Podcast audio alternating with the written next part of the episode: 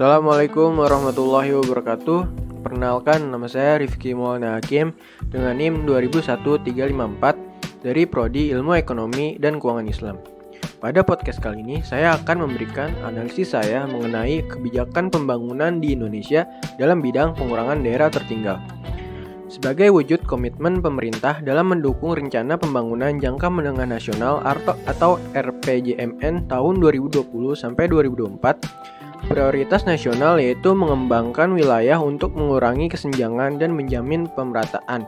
Maka Kementerian Perencanaan Pembangunan Nasional Republik Indonesia atau Badan Perencanaan Pembangunan Nasional melakukan mainstreaming 62 daerah tertinggal sebagai lokasi prioritas daerah afirmasi.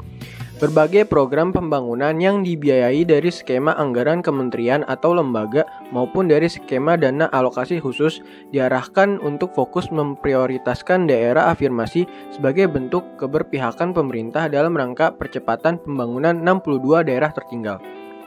Ada tiga kebijakan pembangunan yang dipilih menjadi strategi terpadu percepatan pembangunan daerah dalam RPJMN tahun 2020 sampai 2024. Pertama, Percepatan pembangunan daerah diletakkan dalam dua pendekatan koridor, yaitu koridor pertumbuhan yang menekankan pengembangan pusat pertumbuhan dengan basis keuangan keunggulan wilayah, khususnya yang dapat meningkatkan nilai tambah devisa lapangan kerja.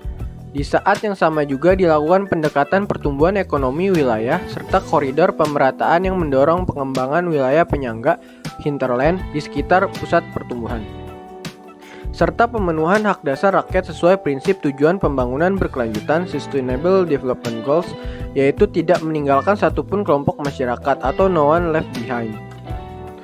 Kedua yaitu mengembangkan kebijakan dan pelaksanaan pembangunan afirmatif untuk mempercepat pembangunan daerah tertinggal, kecamatan, lokasi, prioritas perbatasan, dan pulau-pulau kecil terluar dan terdepan. Pola afirmatif diarahkan untuk perluasan akses pelayanan dasar pendidikan dan kesehatan, penyediaan sarana dan prasarana perumahan, air bersih dan sanitasi, listrik, peningkatan konektivitas dan pengembangan jaringan telekomunikasi dan informasi sebagai basis ekonomi digital. Perluasan kerjasama dan kemitraan juga dilakukan dalam investasi, promosi, pemasaran, dan perdagangan ketiga, yaitu pembangunan desa terpadu sebagai pilar penting dari percepatan pembangunan 62 daerah tertinggal dalam periode 5 tahun ke depan. Dalam konteks desa, pemerintah mendorong setiap daerah tertinggal untuk mengembangkan komoditas unggulan daerahnya dan produk unggulan desa dan kawasan pedesaan.